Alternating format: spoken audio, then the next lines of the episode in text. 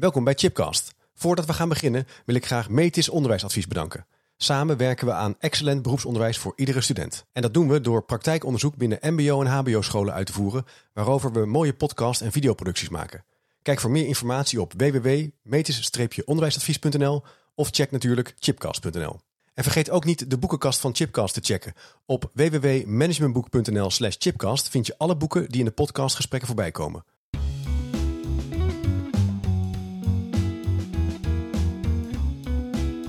Welkom bij een nieuwe aflevering van Chipcast. Een podcastserie waarin ik op zoek ga naar verrassende antwoorden en nieuwe perspectieven op vragen die mij bezighouden.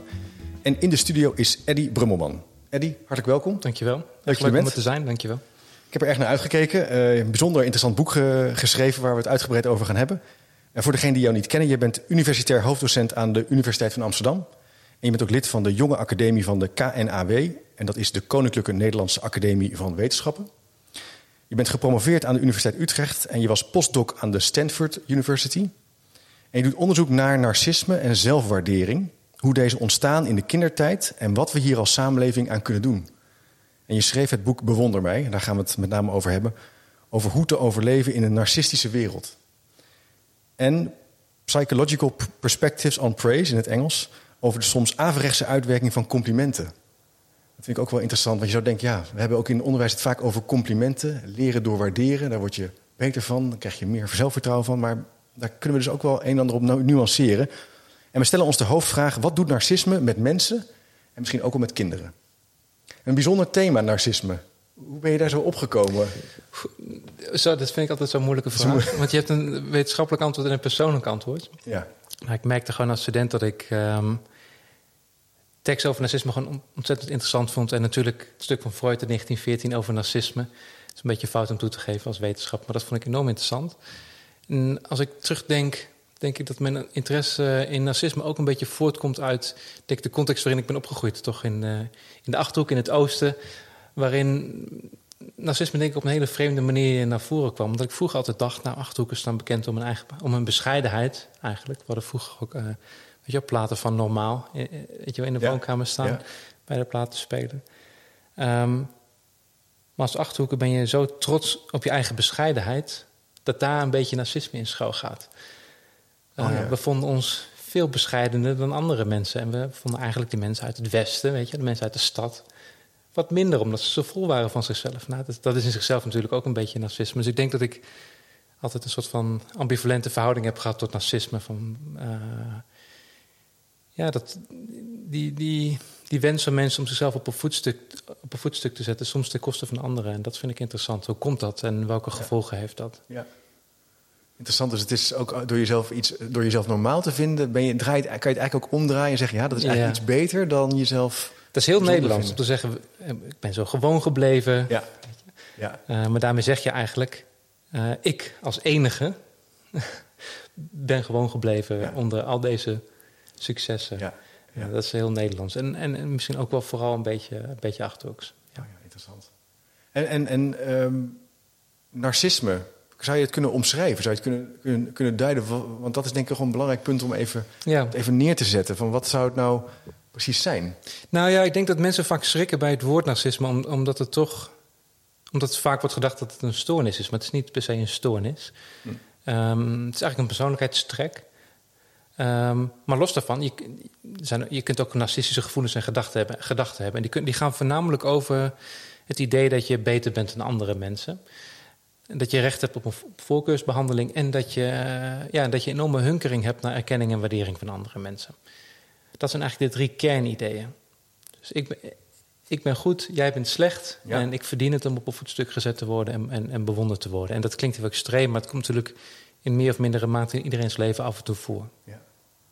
Willen bewonderd worden, willen complimenten krijgen, Ja, gezien ja. worden in zekere zin. Ja. En eh, waar komt dat? Is het ook even, ja, misschien is, ja, ik maak misschien even een gek uitstapje. Je zou kunnen zeggen evolutionair. Als je iets goed doet, wil je gezien worden. Ja. In de pikorde, dat zou misschien fijn zijn. Dat je dan, hé, kijk, ik heb even dat mooi gefixt. Ja. Ik ben een sterk iemand. Ja. Dat dat langzaam evolutionair er misschien in is geslopen? Of, of ga ik Ja. dan een, een afslag in die we niet in moeten gaan? Nee, ik denk het wel. Want ik denk niet dat het echt gaat om gezien worden, maar om status verwerven. En eh Ajo, eh, die ik heb begeleid, staat, die is Grapsas, Die in, eh, is uh, vorige week in Tilburg gepromoveerd. En, het, en het, de kernboodschap uit zijn proefschrift is eigenlijk dat narcisme voortkomt uit een hele sterke behoefte aan sociale status. Dus je wil eigenlijk aanzien in een sociale groep, je wil bovenaan staan. En die behoefte is sterker dan jouw behoefte om diepgaande, warme, intieme relaties met andere mensen te hebben. Uh, dus iedereen heeft behoefte aan, aan, aan status natuurlijk. Uh, maar bij mensen met die narcistische persoonlijkheidstrek is die behoefte zo groot dat die eigenlijk ten koste gaat van andere aspecten in hun leven. En dat is waar het schadelijk wordt. Ja. Dus liever aanzien dan een diepe relatie. Ja. ja. ja. En status uh, in de zin van uh, beter zijn dan de ander, sociaal in de pikorde, wat bedoelen we daar dan mee? Wat, wat ja, eigenlijk een soort sociale hiërarchie waarbij je jezelf ziet als aan de top. Of in ieder geval de behoefte om zo door anderen gezien te worden en de behoefte om, om, om daar te staan. Ja, ja, ja. Maar niet iedereen kan natuurlijk bovenaan. Uh, nee, en dat is, de, dus dat, dat is, de, dat is de, eigenlijk de eindeloze red race. Ja, waar narcisten in, in, in, in, in, uh, in vastzitten. En dat is ook zo moeilijk en zo treurig aan narcisme. Het houdt nooit op. Nee. Het is eigenlijk een onverzadigbare behoefte. Um, onverzadigbare behoefte. Het ja. stopt nooit. Het stopt nooit. Nee. Je, je kunt misschien meer. de illusie hebben dat het een keer bevredigd wordt als ik, als ik dat voor elkaar krijg of dat voor elkaar krijg. Uh, maar, maar het stopt nooit. En dat is ook het treurige aan, denk ik, aan, aan narcisme. Ja.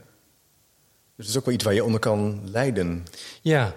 Of is dat, gaat dat te ver? Nee, zeker. En uh, ik moet zeggen, ik krijg ook wel eens mails van mensen die zeggen... Ja, waarom ben je zo... Waarom ben je, waarom ben je geïnteresseerd in het lijden van narcisme? Want narcisten veroorzaken toch heel veel lijden in andere mensen. Dat is misschien zo. Maar desondanks ervaren ze zelf ook veel lijden in ja. veel gevallen. Dus um, ze stoten vaak mensen van zich af, ja. die ze nodig hebben eigenlijk om de bewondering te vergaren die ze zo graag willen. Um, dat is tragisch aan narcisme. En ook als je kijkt naar mensen die extreem hoog narcisme-niveau hebben, dan bij volwassenen spreek je dan van een narcistische persoonlijkheidsstoornis, maar die hebben bijvoorbeeld meer angst, meer depressie, uh, middelenverslaving. Wat allemaal eigenlijk aangeeft dat ze helemaal niet zo lekker in hun vel zitten. Dus nee. je kunt wel misschien dat mensen een soort romantisch beeld hebben van narcisme, waarbij de narcist vrij is van alle zorgen, omdat hun ego een soort teflonpan is, ja. waar alle kritiek van afglijdt. Um, maar dat is het niet. Nee. Je kan er wel degelijk onder lijden, onder bukken. Ja. Het is zwaar. Uh, en je hebt dus ook wel, uh, nee, je noemde een aantal effecten die het ook kan hebben bij mensen. Ja. Ja, het stond volgens mij laatst, ik dacht, meen vorige week in The Guardian, hoe om te gaan met een narcistische manager.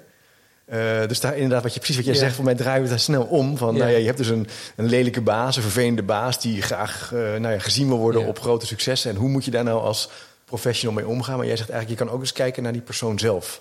Wat hem daarin, uh, hoe die leeft en wat hij meemaakt. Ja, ik denk dat we beide kanten moeten erkennen. Dus ik denk dat narcisten vaak verwikkeld raken in hele moeilijke sociale relaties... waarin ook de, de partner of, of, of de werknemer heel erg kan leiden. Maar dat ze zelf ook veel lijden ervaren. Ja. Uh, het is belangrijk om beide te erkennen en ja. ook te begrijpen van hoe is die persoon in die positie terechtgekomen en hoe kan het dat die persoon zo'n sterke behoefte heeft aan status en wat ja. kunnen we daaraan doen? Kan je daar een voorbeeld van geven? Zijn er, zijn er bepaalde dingen die kunnen gebeuren waardoor je narcistischer kan worden? Of zijn er bepaalde... Nou, sowieso zien we dat narcisme vaker voorkomt of hoger is eigenlijk in landen uh, die hoog scoren op individualisme. Dus waarin het zelf uh, belangrijker is dan de groep. Um, Natuurlijk is individualisme de laatste decennia ook gestaag toegenomen in bijna alle landen over heel de wereld. Um, en het gaat vaak ook gepaard met een opvoeding waarin kinderen bijvoorbeeld op een voetstuk gezet worden. Uh, en waarin kinderen ook de behoefte krijgen om boven andere kinderen uit te steken. Um, dus daar kan het door in de hand gewerkt worden. En het is vaak ook ja. een heel cult cultureel proces. Je kunt niet een individu de schuld geven van het narcisme nee. van een ander, maar nee. het is wel onderdeel van een soort ja, gedeeld gedachtegoed in onze samenleving. Ja. Dus naarmate we kinderen, jongeren meer opvoeden vanuit jezelf ontdekken, jezelf centraal stellen, jezelf belangrijk vinden, aandacht voor het individu, kan je dus ook narcistischere ja. trekken zien ontwikkelen. Ja, hoewel het natuurlijk niet slecht is om aan jezelf te werken, om te groeien en te willen leren. Dat is nee. ab absoluut niet narcistisch, maar de behoefte misschien om um, voortdurend boven anderen uit te steken. Um, de behoefte om voortdurend erkenning te krijgen voor successen, dat zou misschien ja. wel uh, dat narcisme in de hand kunnen werken. Ja. Is dat iets van deze tijd? Als je kijkt naar het onderwijs, uh, erkenning willen krijgen, boven anderen willen uitsteken. Ik, ik moet, ik ja, kan heb je een concreet voorbeeld waar, waar... Nou, ik zit bijvoorbeeld te denken aan... Het gaat vandaag de dag veel over het, um, uh, maatschappelijk gezien over individualisering, wat jij nu ook schetst. Dat, jij zegt ook dat is op andere landen ook zichtbaar. Dus Ja. dat wist ik eigenlijk niet. Maar ehm, in het Nederlands onderwijssysteem gaat het veel over eh, individueel maatwerk onderwijs, gepersonaliseerd onderwijs. Onderwijs eh, wat eh, het, het, het individu ook volledig ziet. Hè? De kinderen worden blijkbaar niet gezien in het onderwijs, met name in het VO, middelbaar onderwijs. We moeten dat eigenlijk moet het kantelen, radicaal vernieuwen, want dan kunnen die kinderen meer gezien worden wie ze eigenlijk zijn. Ja, En dan kan je aan de ene kant denk ik altijd kan je niet zo goed tegen zijn, nee. denk ik dan. Maar aan de andere kant, ja, je, bent, je zit ook in een groep. Ja. Ja, dat, dat, dat, vind ik lastig. Want ik denk dat niemand het oneens kan zijn met de stelling dat kinderen het onderwijs moeten krijgen dat het best aansluit Ja. bij hun persoonlijke voorkeuren en, of wensen en behoeftes eigenlijk. Misschien Ja. niet zozeer voorkeuren.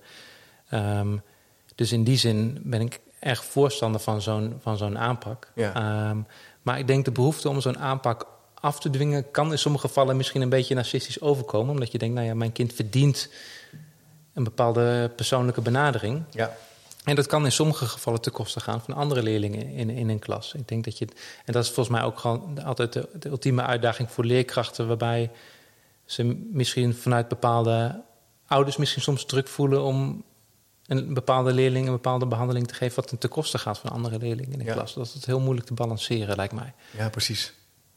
Ja, precies, inderdaad. Dat lijkt me ook. Het gaat ten koste van andere kinderen. Ja, want je hebt toch 30 kinderen in de klas. Ja, Maar elke ouder wil natuurlijk het beste voor zijn of ja haar maar kind. dat is altijd. Dat, Ja. dat, dat is denk ik niet eh, iets wat, Nee. eh, wat vroeger anders was dan nu. Nee, Nee, precies. Ja, dat is moeilijk denk ik balanceren. Ja, een soort balans zoeken tussen. Ehm, eh, kan je iets zeggen over.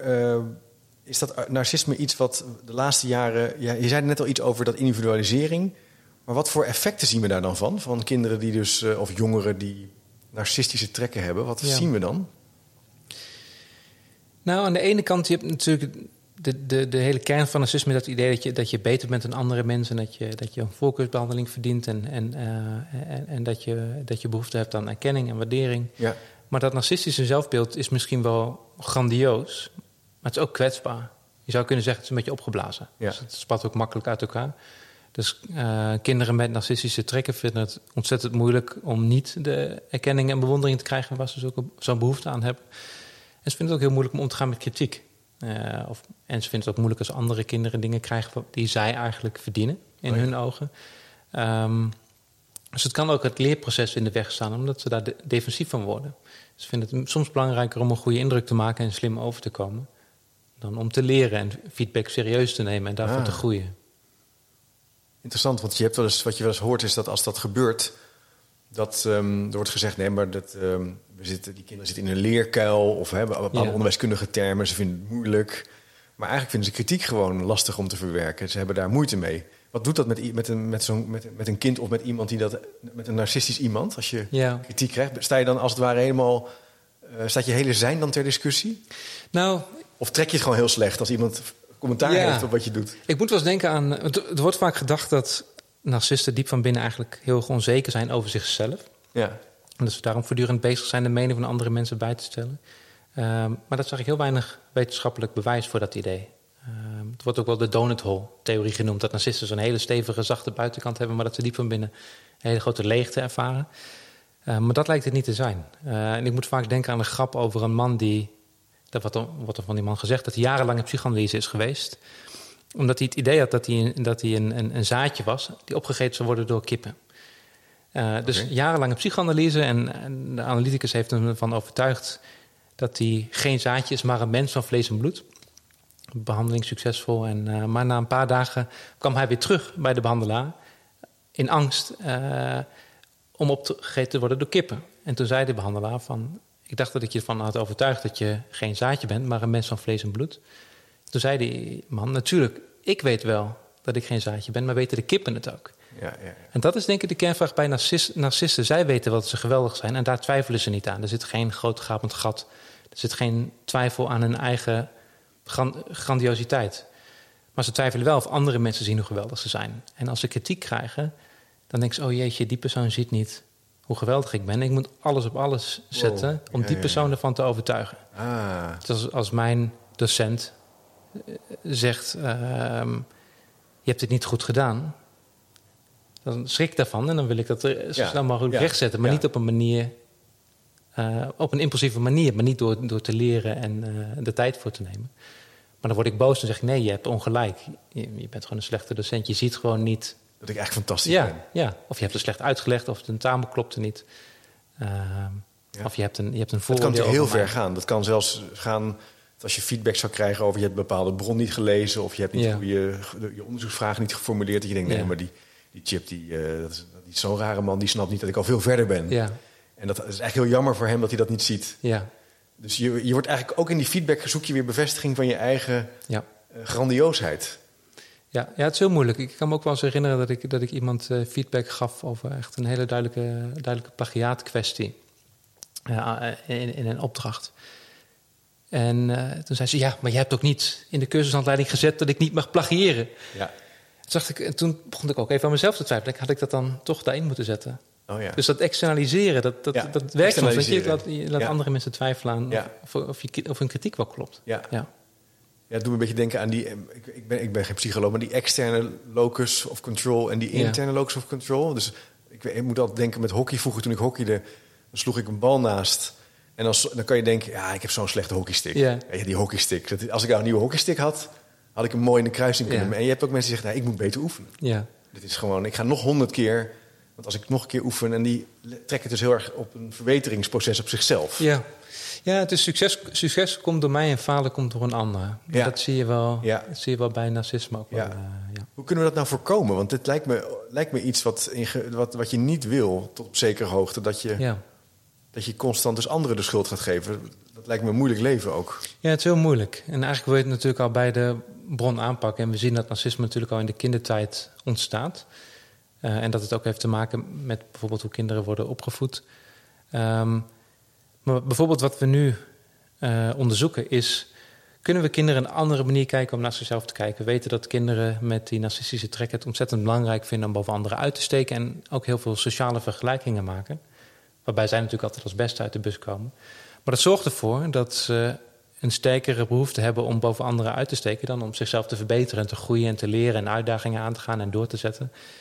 En we dachten, wat als we kinderen eigenlijk focussen van die sociale vergelijkingen richting temporele vergelijkingen.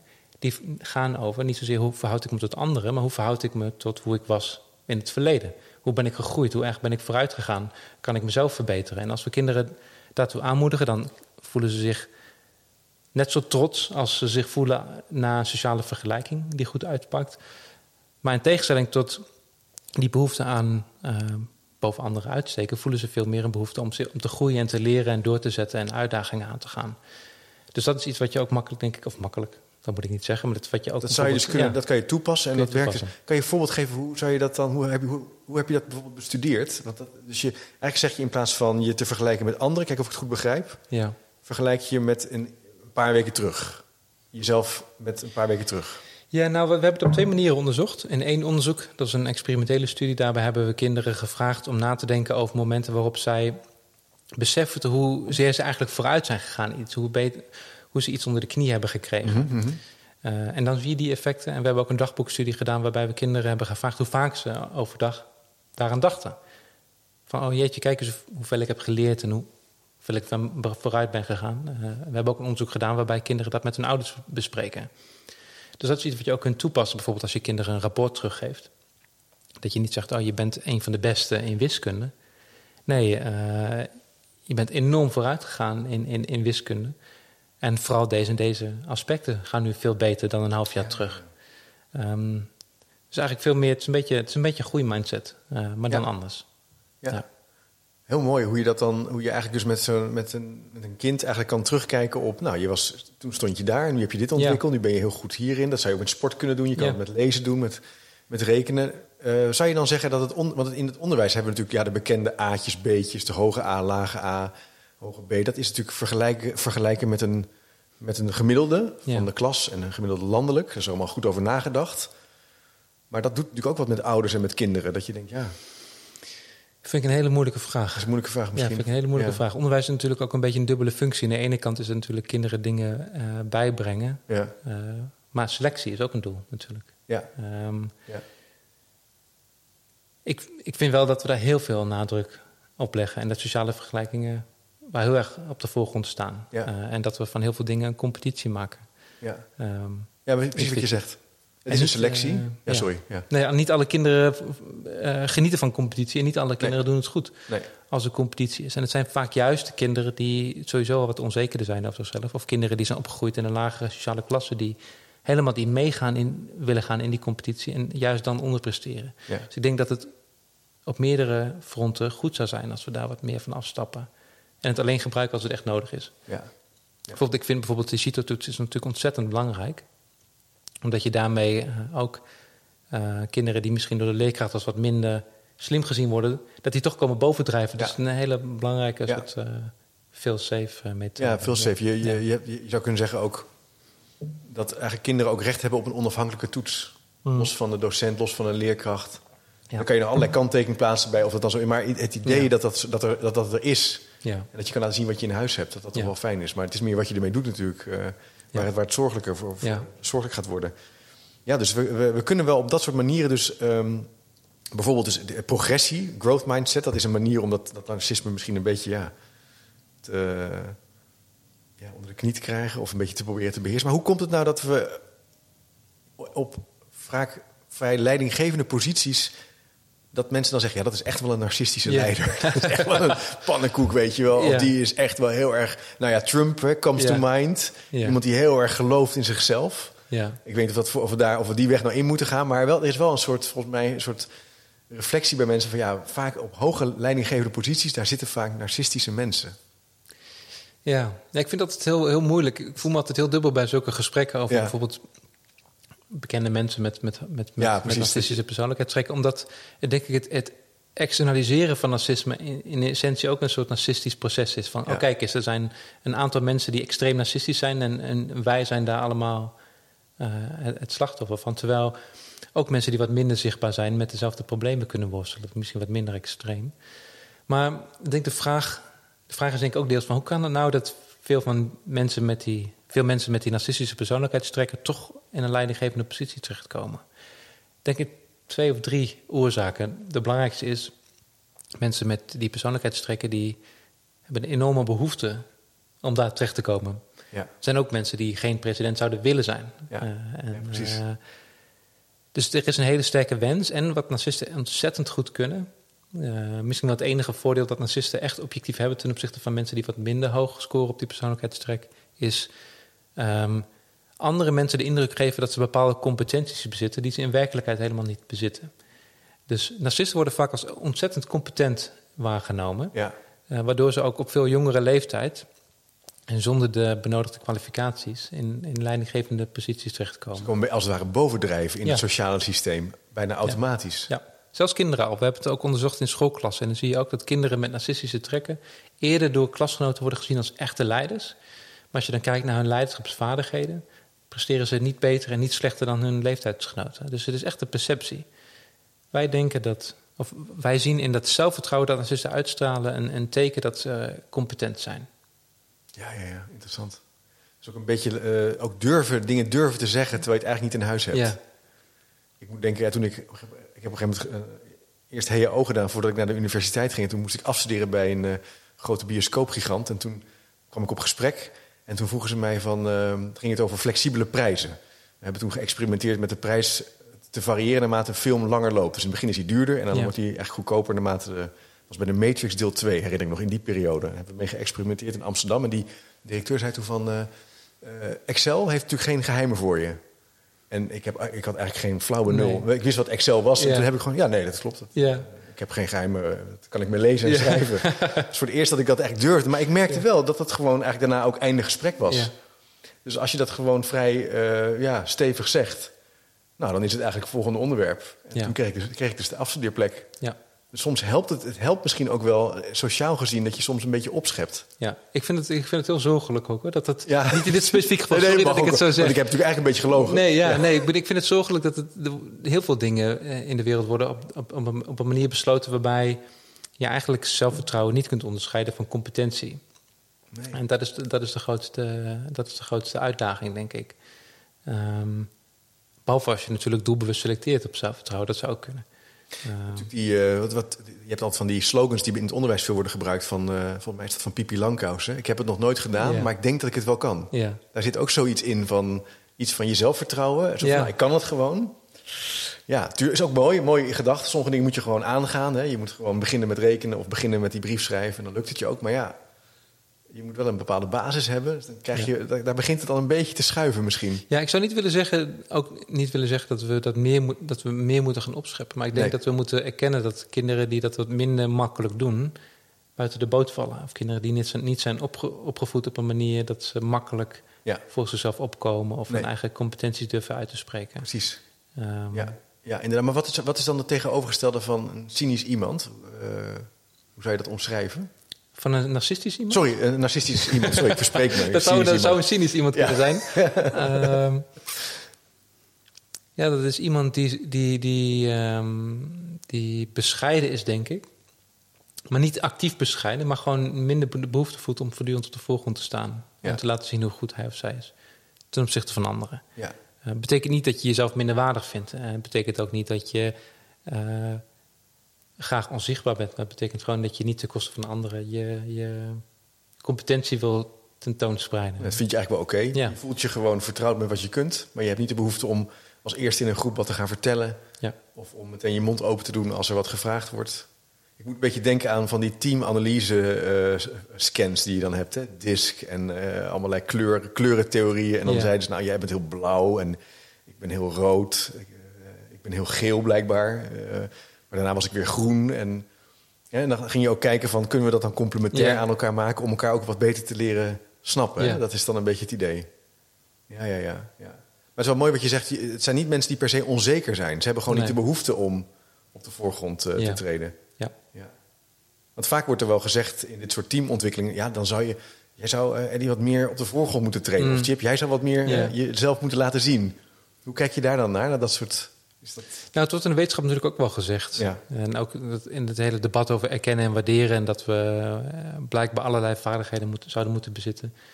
Eh, maar ik denk de belangrijkste vraag is... hoe kunnen we mensen die al die verschillende vaardigheden bezitten... combineren in een team en die optimaal laten Ja. samenwerken? Ja. Dat is vaak veel beter dan individuen... al die verschillende dingen te laten beheersen... ook als ze niet eigenlijk binnen hun eh, vermogen of persoonlijkheid passen.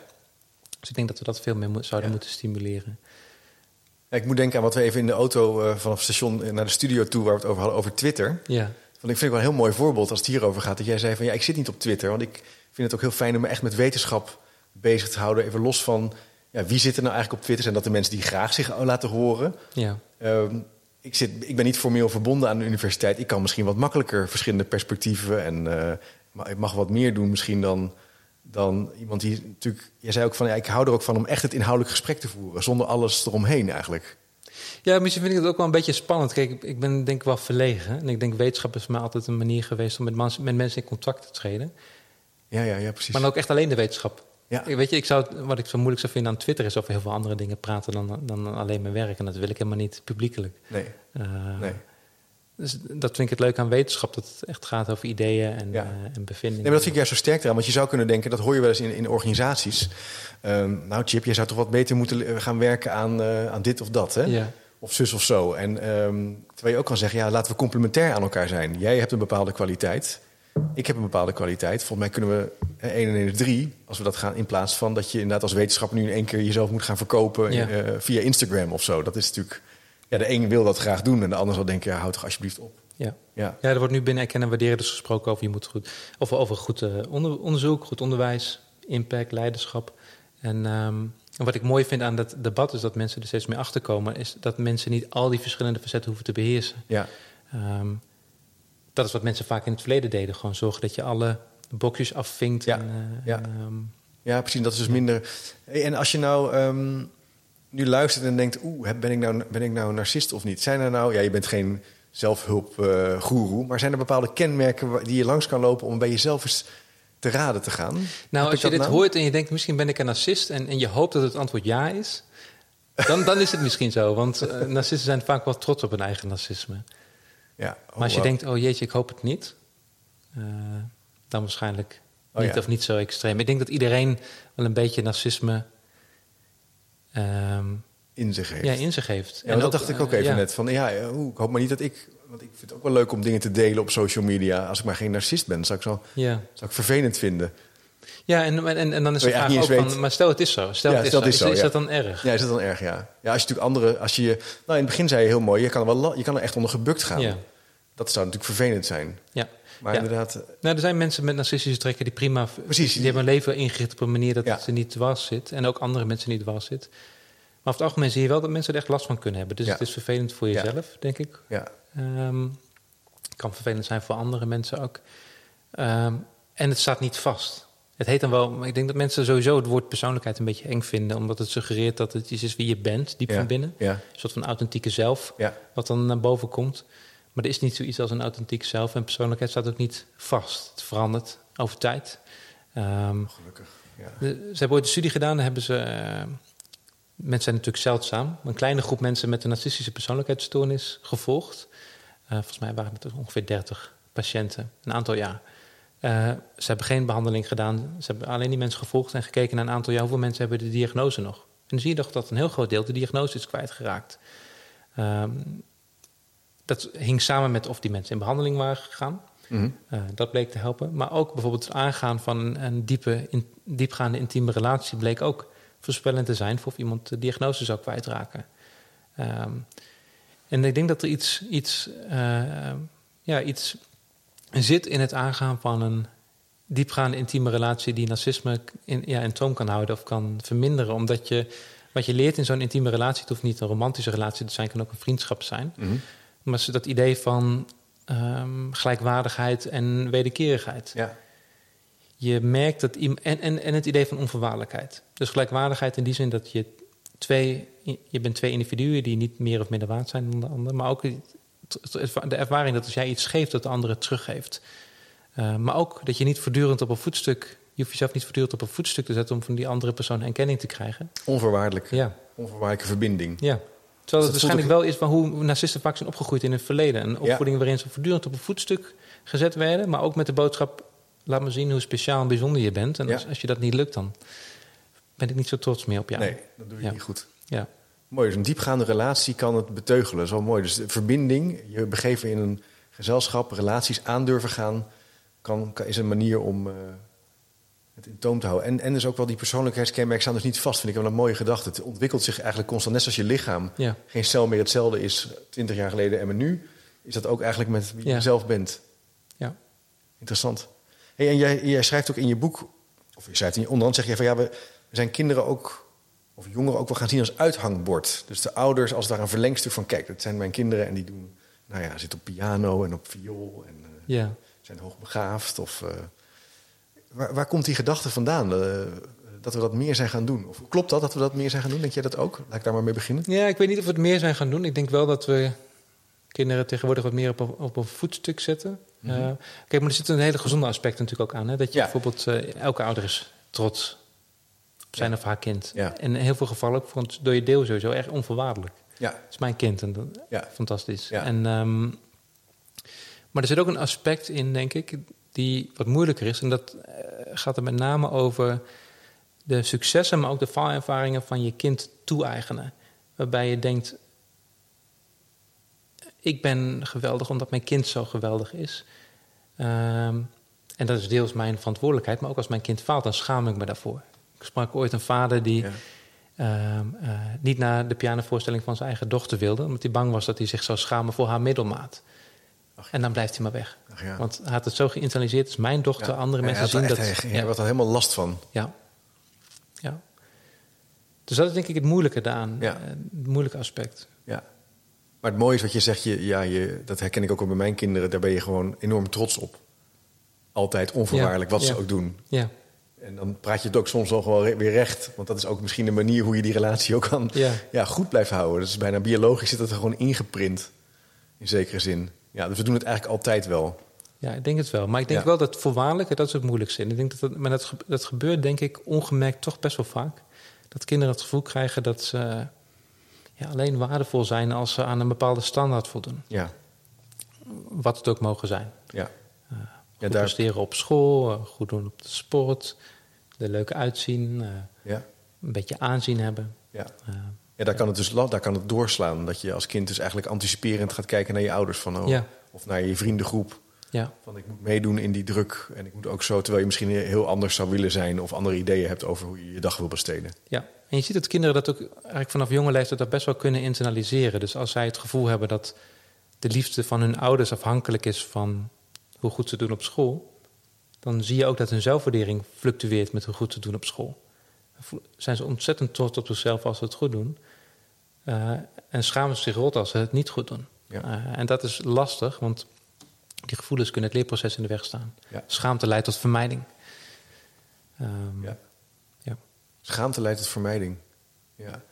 Dus, dus je- wil eigenlijk dat, dat kinderen geen last tussen aanhalingstekens of vrij zijn om zich te ontwikkelen zonder dat ze een juk voelen van papa of mama die zegt van eh, ja, je moet wel goed rekenen.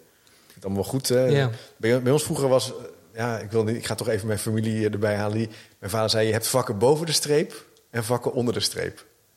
Dat zijn exacte vakken. Ja. Eh, en je hebt vakken die ja, toch iets minder belangrijk zijn. En ik merkte wel dat dat, dat doet wel wat met je. Ik, Ja. oh, ik was niet zo goed in de beta-vakken. Nou, daar ga je al. Dus dat, doet, dat neem je wel mee. Als Ja. kind moet je daar ja, mo- moet je mee dealen natuurlijk. Ja. ja, is ook Ja. zo. Maar ja, dan ga je het vermijden. Misschien is het Oh, ja, ik heb ook allemaal flashbacks nu naar, ja, naar mezelf. Maar Ja, is heel goed. eh, ehm, ik denk dat er zit denk ik een verschil tussen. Je, natuurlijk mag je hoge verwachtingen hebben van Ja. je kind en Ja. eh, hoge standaarden stellen. Dat is vaak ook heel goed als je zegt van ik, ik weet dat je het, ik weet dat je het kunt en laat me je helpen om daar te komen. Ja, Ehm, zolang je kind maar niet het gevoel geeft dat zijn waarde als individu afhangt van zijn of haar succes om, om, om, om daar te komen. ja, dan sla je door. Ja. Ja. Ja. Je wil je geen loser voelen in de ogen van je ouders. Nee, dat lijkt me precies. Dat moet onvoorwaardelijk zijn. Ja, dat moet onvoorwaardelijk zijn. Ja. En je hebt natuurlijk je hebt dit prachtige boek eh, geschreven. eh, Bewonder mij overleven in een eh, narcistische wereld. Waar ben je nou qua. Wat heeft het boek opgeleverd qua vervolgvragen voor jou? Ja, ik. ja, heel veel, ik denk veel, veel vragen. En vooral tegen het einde van het boek merkte ik dat ik een soort. ehm, eigenlijk, in het schrijven van het boek heb ik steeds meer eigenlijk compassie gekregen voor narcisme. Ja. Beide kanten van narcisme. Zowel mensen die te maken hebben met iemand die narcistisch is, maar ook me- mensen met narcistische, narcistische persoonlijkheidstrekken zelf. Omdat je ziet hoeveel lijden erin zit. En we praten vaak over narcisme met een glimlach, omdat het grappig is. Mensen Ja. met opgeblazen ego's die waarschijnlijk op een gegeven moment wel een gegeven moment op hun bek gaan. Ja. Dat vinden we als Nederlanders leuk, eh, omdat je dan ziet dat mensen weer met beide voeten op de grond eh, terechtkomen. Maar ik denk toch dat we ja, meer moeten erkennen hoeveel, ja, hoe moeilijk het kan zijn om narcistisch te zijn. En hoe moeilijk het kan zijn om verwikkeld te zijn in een relatie met iemand die, die narcistisch is, bijvoorbeeld. Ehm, en een andere vraag waar ik me mee bezig hou is eh, welke rol narcisme, maar ook andere vormen van zelfbeeld spelen in, in ongelijkheid. Je ziet sowieso dat narcisme vaker voorkomt, bijvoorbeeld in gezinnen met hoge inkomen.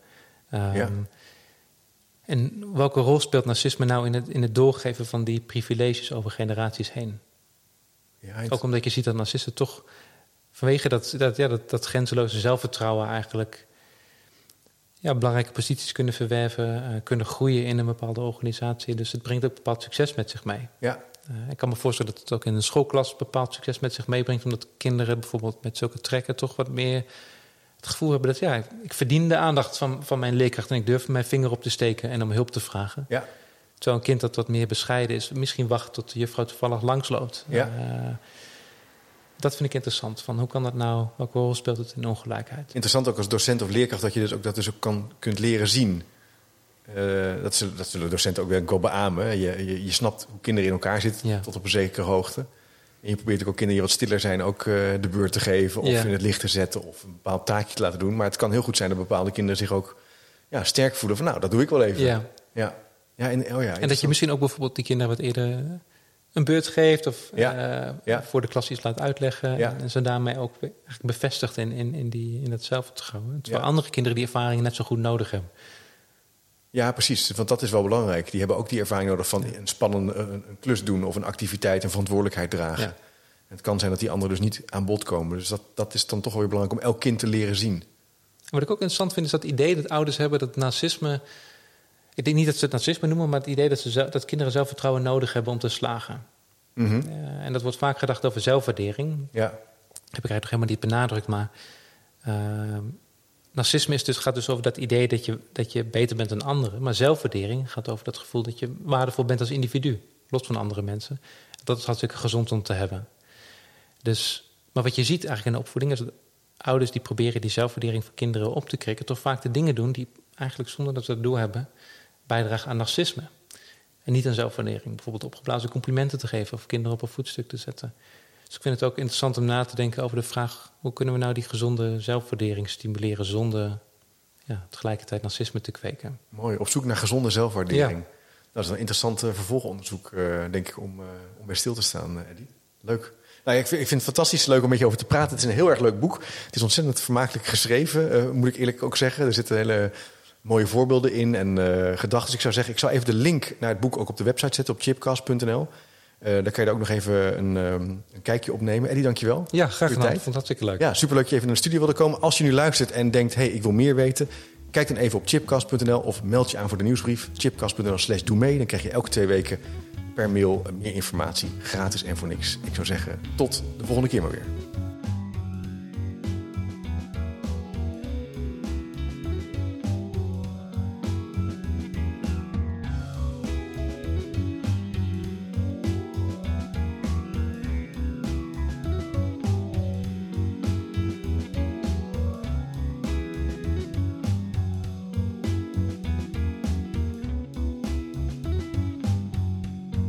Managementboek is ook begonnen met een podcast, De Boekenpraktijk. Elke twee weken onderzoekt presentator Willem van Leeuwen samen met auteurs en praktijkgasten hoe de theorie van managementboeken aansluit bij de soms weerbarstige praktijk. Beluister de Boekenpraktijk via je favoriete podcast-app of ga naar www.managementboek.nl/podcast.